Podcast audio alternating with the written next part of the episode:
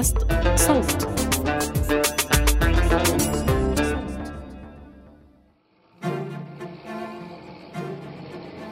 رح نبدأ القصة من المكان اللي كان ممكن تنتهي عنده. أغسطس آب 1976 مدينة جدة المملكة العربية السعودية. تعلن وفاة شكور أبو غزالة صاحب أول مطعم بروست في المملكة. وبعد وفاة وكيلها تعلن شركة بروست الفرنسية إنهاء عقدها مع المطعم. بعد فقدانهم لحقوق الوكالة الحصرية اضطر أبناء شكور إحسان ورامي لبيع الأصول ليسدوا الديون ويغيروا طريقة العمل لتقليل النفقات. بس وقتها كان ملان مطاعم بتقدم دجاج البروست في جدة فكان لازم يفكروا بتقديم إشي يميزهم عن المنافسين.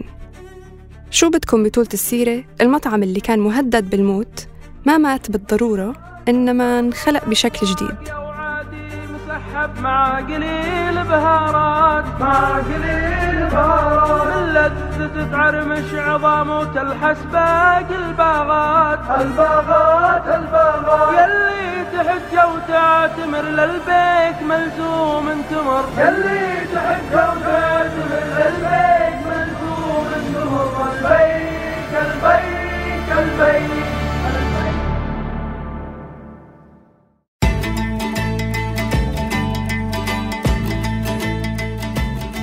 سلام أنا جنى من فريق صوت. في هذا الموسم من مهضوم بنجاوب على تساؤلات ما قدرنا نشبع فضولنا حولها ببحث بسيط على الإنترنت. لهيك قررنا ناخدكم معنا في شوية مشاوير استكشافية وناكل لقمة سريعة بالطريق. السلام عليكم. آه، أعطيني لو سمحت واحد بروست حراق رح أحكي لكم القصة الحقيقية وراء إنتاج هاي الحلقة. كنا في اجتماع الفريق الأسبوعي وكانت زميلتنا مرام راجعة من دبي لإسطنبول. الحمد لله على السلامة. كيف كانت دبي؟ وعم توصف لنا قديش تغلبت وهي حاملة شنطة فيها. واحد اثنين ثلاث. أعتقد إني شريت تسع وجبات وحملتهم بإيدي طلعت فيهم على الطيارة. وشريت لهم شنطة مخصوص كمان فحتى ما كانت إنه بتنجر فكنت حاملة كل الوزن طول الوقت بالمطار. واستوقفنا آه، ما الموضوع. قلت لهم كنت عاملتها مفاجأة. تذكرت كيف كنا أوقات نطلب من الناس يجيبوا لنا donuts من Krispy Kreme من الإمارات عشان ما عندنا فرع بعمان بس يعني. دجاج مقلي آه، عن جد. قلت لهم تسع وجبات بيك وتعشينا. كان بارد بس كان كتير طيب وكنا مشتاقين لطعمة الدجاج والمتومة بالذات. فكان كانت بداية جيدة لرحلة سياحية عائلية. ومن هون أخذنا على عاتقنا نحاول نفهم السر ورا حب الناس لمطعم البيك دونا عن غيره خصوصاً في مدن خليجية مثل جدة اللي بتتوفر فيها خيارات أخرى لا تحصى.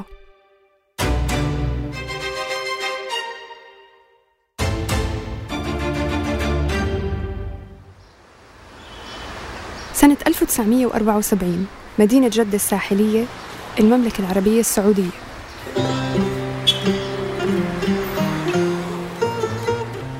فرص العمل كتيرة وما حدا فاضي يطبخ. وفي حالات كتيرة ما عنده رفاهية الطبخ بسبب ساعات العمل الطويلة. شكور أبو غزالة الرجل الأربعيني اللي إجا على السعودية بداية السبعينات بعد النكسة الفلسطينية كان وقتها مدير أحد المستودعات في منطقة الشرقية. ولاحظ تزايد الحاجة عند الناس لمطاعم وجبات سريعة وأكل نظيف وجودته معقولة وبسعر معقول. فقرر يتوكل على الله ويستثمر كل تحويشته في مشروع مطعم بروست. وبالفعل قدر يوقع وكالة حصرية مع شركة بروست الفرنسية. نفسها اللي أنهت العقد مع المطعم بعد وفاته. وعشان الوضع المادي ما كان ولا بد يعني كان شكور هو اللي بيحضر الوجبات وبيقدمها وبيحاسب الزباين. الصحيح إنه الناس أولها مش كتير أقبلت على فكرة تحضير الدجاج بهاي الطريقة. وما تجاوز عدد زباين المطعم في السنة كلها المية. بس واضح إنه الإقبال زاد بعد أول سنة. عشان سنة الستة وسبعين افتتح تاني فرع من المطعم في جدة.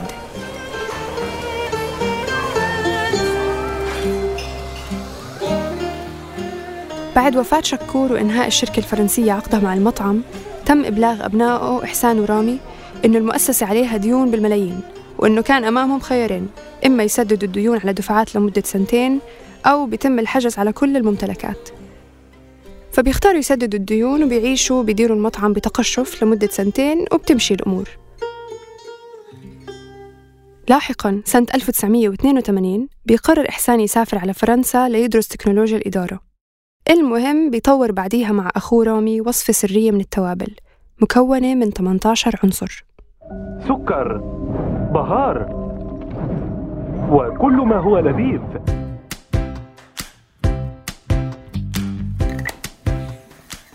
بيشتغلوا حوالي ثلاث سنين ليطوروا الوصفة وبيبلشوا يجربوها على زباينهم بدون ما يحكوا لهم. وبيستغنوا عن فكرة شراء الوصفات من الشركات التانية وبيكتفوا باستخدام وصفتهم السرية. وشوي شوي بيبدأوا يلاحظوا زيادة بالإقبال على المطعم. وبسنة 1986 بيبتكروا علامة تجارية وشعار جديد لسلسلة المطاعم اللي بيصير اسمها الجديد البيك.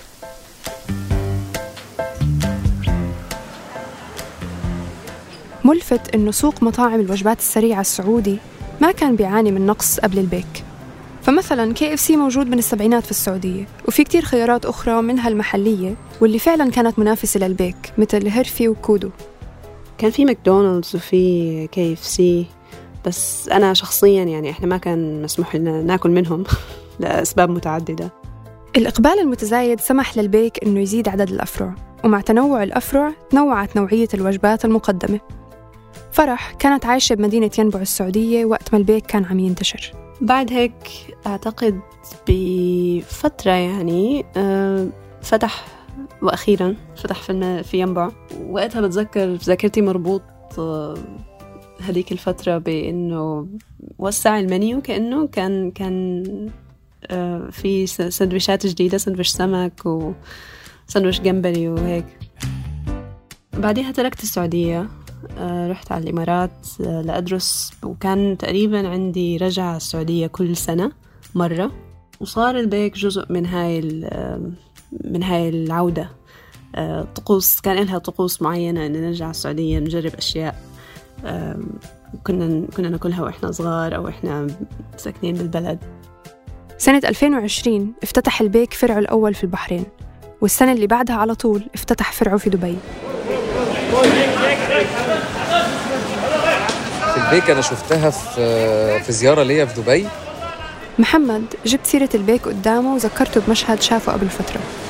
وكنا ناس عندها طيارة وكنا متأخرين فاضطرينا ساعتها نبدل أدوار يعني حد يقف نص ساعة يتعب واحد بياخد مكانه. وصل درجة الدور لدرجة إن إحنا كلمنا واحد صاحبنا بالتليفون عشان نعرف هو أصلا واقف فين ونعرف هو قرب ولا لأ.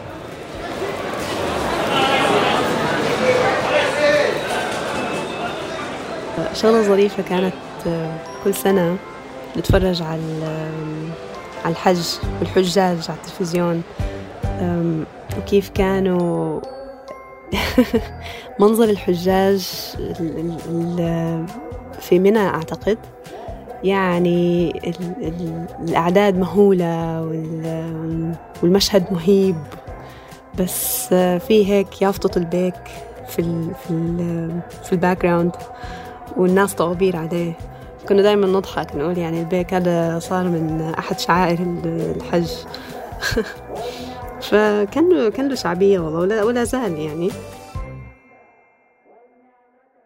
وهي ما كانت أول مرة بسمع فيها هذا الحكي عن البيك. كل حدا بيحكي عن الطوابير الطويلة اللي صار مشهور فيها. وحاولت أفهم السر. بصراحة ما بعرف شو السر في, في, في البيك. يعني كان ما شاء الله كان ولا زال محافظ على مستواه وعنده شعبية واسعة. يعني وأنا دايما برجع وبنتجمع هيك بناكل وجبة بيك بسأل حالي وبسأل الناس اللي معهم شو فكركم؟ شو المغزى؟ شو الهدف شو السبب من إنه الناس كتير بتفضل هذا المكان وكتير متعلقين فيه لهلأ؟ عم نحكي يعني على شيء من وقت ما أنا بلشت أعرف البيك تقريبا عشرين سنة.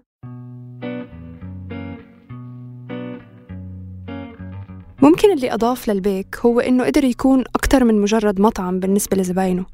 وممكن نقول إنه واحدة من ركائز نجاحه بتكمن في تفاعله المستمر مع المجتمع المحلي أو على الأقل هيك مكتوب في موقعهم وفي الإعلانات اللي بتنتجها الشركة.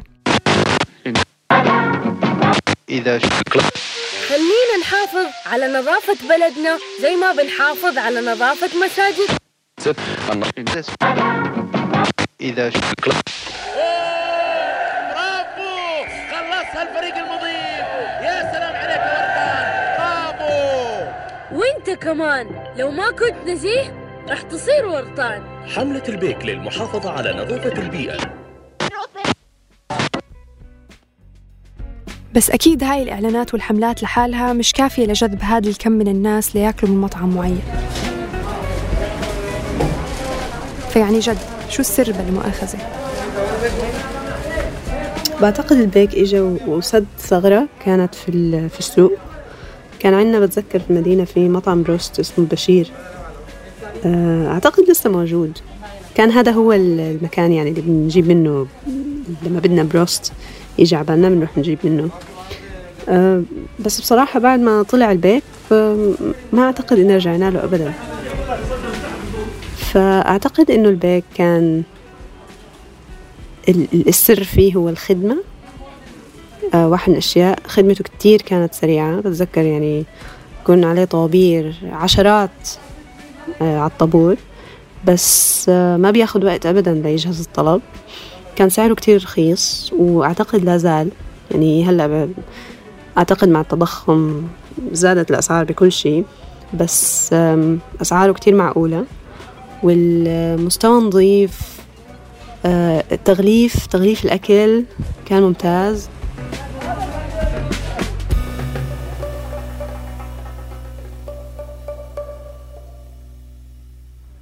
السلام عليكم. السلام عليكم اثنين حراق اثنين مساحب حراق أيوه. غيره؟ وواحد بطاطا.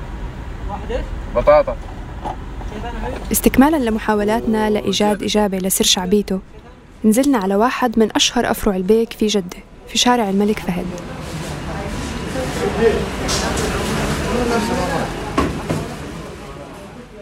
من وقت جائحة كورونا تخلت معظم أفرع البيك في السعودية عن فكرة الصالات واكتفت بخدمة تسليم الطلبات وبس.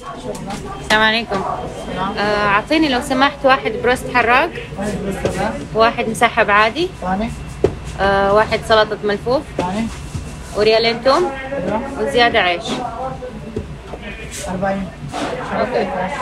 شبكة. طب ليه لما فكرت في موضوع الساندوتشات جيت عند البيك ما رحت مكان تاني في كثير مطاعم ممكن إنك تاكل منها لا لأنه البيك يعني سعره سعره طيب. ولذيذ ويشبعك يعني.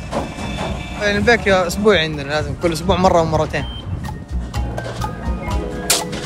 حابه أعرف كل كم تقريبا تجوا على البيك أو تاكلوا من عنده أسبوعين في الأسبوع ثلاث أو أربع مرات. طب إيش السبب الإقبال إنه كل أسبوعين أو ثلاث آه مرتين أو ثلاث عشان خاطر طعمه يعني الطعم بتاعه كويس. هو نعم الطعم لحد ما تغير شوية عن الأول أول ما فتح بس هو لا زال طعمه كويس يعني وفي التكلفة بتاعته كويسة. كنتوا بتفضلوا إنه تاكلوا البيك في المطعم أو برا؟ كنا بنفضلوا ناكله في المطعم. حتى لسه دلوقتي بنسأل بنقول له فين المحل اللي فيه الجلسة؟ عشان إحنا عايزين نقعد في المطعم. وللأسف هلا مغلق بعدين وللأسف مغلق عشان خلص ممكن نجادل أنه تجربة الأكل من البيك تاريخياً بحسب ما تورثتها الأجيال ما بتكتمل بدون القعدة في المطعم. الجو العام تبع المطعم بذكر كنا نروح على المدينة الفرع اللي في المدينة اللي هلأ أظن أعتقد إنه هو الفرع الرئيسي اللي جنب الحرم.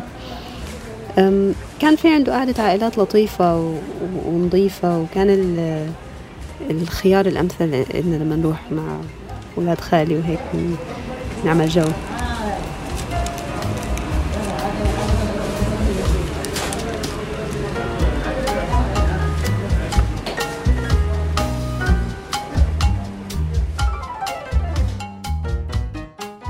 وعلى الرغم من أنه ما عنده أفرع إلا في بعض الدول الخليجية إلا أنه بيحتل المركز السادس لأفضل ثمان مطاعم وجبات سريعة خارج الولايات المتحدة.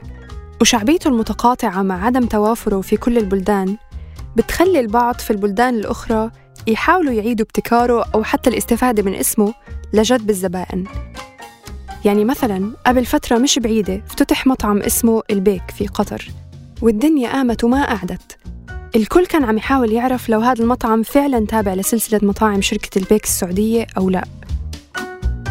لاحقا من كتر الإشاعات واللخبطة طلعت شركة البيك بيانا يوضح أن هناك من قام بإنشاء مطعم يحمل اسم البيك بغير وجه حق وجاري متابعة الأمر مع جهات الاختصاص. والموضوع مش بس على مستوى الشركات في كتير وصفات لجاج البروست على الإنترنت بتوعد إنك رح تحس حالك عم تاكل البيك لما تاكلها. كتير جدا ومن كتر حب كل أصحابي السعوديين في البيك وطعم البيك وقد إيه هم دايما بيقولوا إنه هو أحلى. هذا حق البيك تمام؟ وهذا اللي أنا سويته. طبعا أنا بس كبرت الحجم شويتين. إحنا بقى هنشوف إزاي نعمله في البيت بطريقة سهلة مش معقدة تماما. إزاي نخزنه ويفضل معانا بالشهور في الفريزر ونخرجه على التسوية على طول. بعتقد يمكن يكون في عامل عاطفي كمان. إحنا الجيل هلأ صار عندنا كتير خيارات مطاعم وكتير أم، أماكن نروحها وما بنلحق و يمكن يمكن عنا في هيك شغلة صغيرة فينا بت بتخلينا نحن عامل الحنين. ف أنا بالنسبة لي على القليلة بالنسبة لي هذا إشي أعتقد إنه عامل من عوامل إني ليش بحب البيك لهلأ.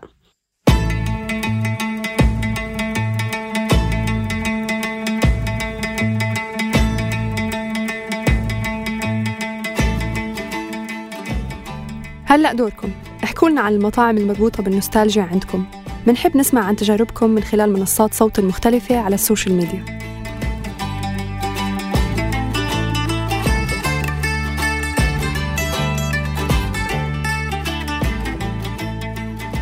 كنا معكم في هاي الحلقة من البحث والمشاركة بالإنتاج روان نخلة ومن التحرير رنا داوود ومن الهندسة الصوتية محمود أبو ندى. وكنت معكم من الإنتاج والإعداد جنى قزاز. وشكر خاص لكل من ساعد في التسجيلات الميدانية وكل اللي شاركونا أصواتهم في هاي الحلقة.